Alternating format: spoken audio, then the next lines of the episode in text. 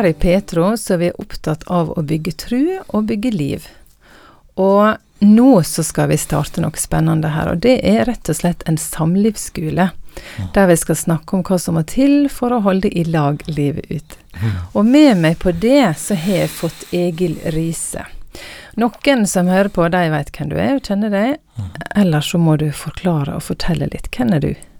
Hei, jeg heter Egil Riise, ja, og jeg har jobba som parterapeut i mange, mange år. Og så har jeg jobba etter en eh, spesiell eh, forsker eller metode de siste ti årene, Mm. som heter John M. Gottman. Kommer fra Seattle i USA. Så det er hans forskning gjennom 40 år eh, og metode som, eh, som gjør at jeg er her. Ja.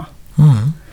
Og han har noen prinsipp for, eh, for parforhold, hva som må til for at en skal ha det godt i lag. Og vi, vi veit ennå ikke hvor mange episoder dette blir, så da må folk bare følge med, sant? Er ikke det sånn? Jo, det er sånn. Ja. Mhm. Så vi kommer til å snakke og ha en samtale, og litt spørsmål og litt svar, og litt eh, tanker og refleksjoner rundt dette emnet. Mm. Og jeg er veldig glad for at du er med, Egil. Og Takk. du sa noe til meg her i stad om en statistikk, og vi har jo tenkt at eh, dette her skal være noe for egentlig for alle aldre og alle parforhold. Uansett hvor lenge en har vært i lag eller gift, så kan en ha nytte av dette. Stemmer ikke det, Egil?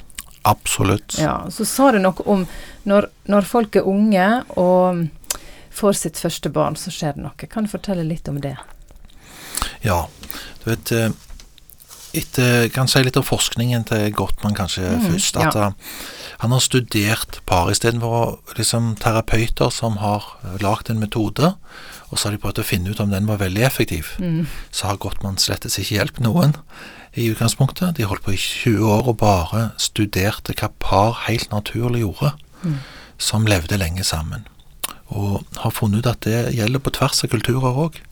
Hva par som har god kjærlighet og lever lenge sammen, det, det er likt Mm. verden over. Eh, De prøvde disse prinsippene ut i møte med unge familier som hadde nettopp hadde fått sitt første barn, eller skulle ha sitt første barn. Og det viste seg at i den vanlige gruppa, eller kontrollgruppa, de som ikke fikk noe hjelp, så ville det være f.eks. tegn på fødselsdepresjon. eh, Nærmere i sju av ti tilfeller. Mm. Og eh, det ville være høyere konfliktnivå. Og eh, ja, og det som de så, det var jo at det vanlige det er at sju av ti par får det like dårlig eller verre når de får sitt første barn. Så på en måte så blir det det er trist å si det sånn, men akkurat for parforholdet, om man er glad for babyen, så for parforholdet så blir det en nedtur. Og tap i kvalitet i forholdet. Men så, når man hadde hatt eh, kurs og lært seg for den gruppa som lærte seg prinsippene om hvordan man kunne jobbe sammen på kjærlighet for å bygge forholdet sterkt i den fasen, så var det motsatt. At eh, det var ikke syv av ti som fikk det dårligere, men det var syv av ti som fikk det like bra eller bedre. Og det er jo ganske sterk indikasjon på at noe virker. Og en god, godt tidspunkt å bygge et sterkt forhold når du har fått baby. Og det andre var at istedenfor at eh, to av tre hadde fødselsdepresjoner eller symptomer på det, så var det nede i én av tre Ja. som hadde symptomer på fødselsdepresjoner. Så det sporer gjerne til at det er veldig mange ting. Og kontakten med barnet ble bedre. Formor og fars lek med barnet ble bedre. Kvaliteten av vennskapet, intimiteten. Det hadde en positiv effekt på alle sider av parforholdet når man lærte seg det. Og det viktigste som jeg sier om dette, det er til et ord om, som vi har av det språket vårt om vilje. At liksom, hvis du vil, så får du det til. Det tror ikke jeg alltid er sant. Mm. Men hvis du vet hvordan du skal, skal gjøre det, så vil du. Mm. Altså den som kan, vil, vil òg. Ja. Og det er veldig styrkende. Det gjør jo at man ikke trekker seg unna, men våger seg frampå. For man vet hva som hjelper. Og her er det, det syns jeg er så viktig for eh, ferske par å vite at dette er noe Dette er ikke rakettvitenskap, dette er noe man kan bygge. Mm. Så du Egil, du mener at det finnes mange gode grunner til å investere i å bygge et bra for- forhold fra nå av, uansett hvor en er hen i løpet? Absolutt. Det er veldig gode vitenskapelige grunner for det. Jeg tenker sånn, De fleste eh, har gjerne en idé eller en drøm om å bygge et hus sammen i livet. Og hvis vi visste at fire av ti grunnmurer på hus skulle falle sammen i boligen i løpet av livsløpet, så er det nok sannsynlig at vi hadde investert litt i å tenke ja, hva er det som holder? Og hva er det som faller sammen? Eh, og denne forskningen viser jo at det går absolutt an å bygge livet sånn at det holder. Jeg vil bare reklamere litt for et godt forhold. Alt er mye bedre når du har det bra. Det er egentlig det er gode vitenskapelige grunner for å si at det er best å ha det bra. Ja. Det, det er faktisk det. Folk i livsløpsstudier så viser det seg at det er de som de som eh, lever lengst, de som blir igjen til slutt, ikke har dødd ut, det er de som lever i kjærlighetsfylte relasjoner. De som har noen som, som de er glad i, som de har levd med en partner. Det er òg sånn flere studier på hjerteinfarkt som viser at av de som har hatt hjerteinfarkt, så er jo eh, faren for tilbakefall mye større hos de som ikke har noen hjemme som de kan si er glad i de, eller som elsker de, og mye lavere hos de som har en, en eh, har en kone som, som sier at hun er glad i dem.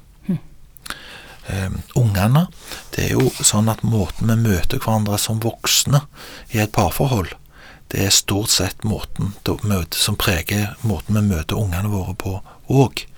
Så de gode tingene Hvis vi ønsker ungene våre vel, så er det vel verdt å investere i måten man forholder seg til hverandre som voksne. Det vil smitte over på ungene. Så det er i grunnen det beste du eh, kan gjøre der. Mm. Så gjerne en liten advarsel, kanskje en liten anbefaling. Eh, når man får sin første baby, så kan man jo gå på den smellen at man ønsker å jobbe overtid og tjene penger, få ned lånet, få opp huset. Det er så mange ting man skal få til. Det som virkelig teller gjennom livet, over tid hvis du skal leve lenge sammen, det er å få bygd samarbeid, og hvordan vi skal være som en familie. Hvordan skal vår lille union være, og hvordan vil vi ha det. Det er så viktig å bygge og gjøre seg gode erfaringer på tidlig, for du vil bære det med deg hele tida. For det er jo litt hardere å reparere enn å bygge solid fra begynnelsen av. I Bibelen, så, i Gamle testamentet, så står det noe om at de unge fikk ikke dra i krigen første året. Det er jo eh, vitenskap allerede derifra, da. Absolutt så ligger klokskapen i mange, mange gamle historier om at man må prioritere familien og samlivet fra begynnelsen av. Bruke tid på det. Og det er det vi har lyst til å hjelpe til med, da. Ja. Å bygge ekteskap og bygge forhold. Mm. Og hjelpe til med det, og komme med noen eh, vel prøvde teorier, Ja. Egentlig, på det. Ja. Mm. Og det trenger ikke å være så veldig mye, egentlig. Kan Mm. du si litt sånn bare nå helt innledningsvis? Én ting nå de som lytter på, kan gjøre fram til neste gang vi skal ha samlivskule. Én ting som de kan tenke på å gjøre med partneren. For partneren. Det som er veldig viktig å, å holde fatt ved, det er at det som holder oppe et godt forhold, det er små vennligheter som man gjør ofte. Små ting som man gjør ofte. Mm. Det er det som bygger forholdet. Ikke de store tiltakene eller helga i eh, New York. Det er, det er de små tingene. At man sier takk. Gjerne tre takk til dagen. Mm. At man ser på den andre eh, når man snakker. Og at man eh, eh, ja, har fokus på det, det positive, det man setter pris på ved den andre. Mm. Og slå på lyden. Slå på lyden. Si det. Mm. Alle disse små tinga som han sa nå, det skal vi snakke mer om. Men prøv det ut, da. Se den andre inn i øynene, vær til stede, og slå på lyset. Lys i øynene, det er alltid bra.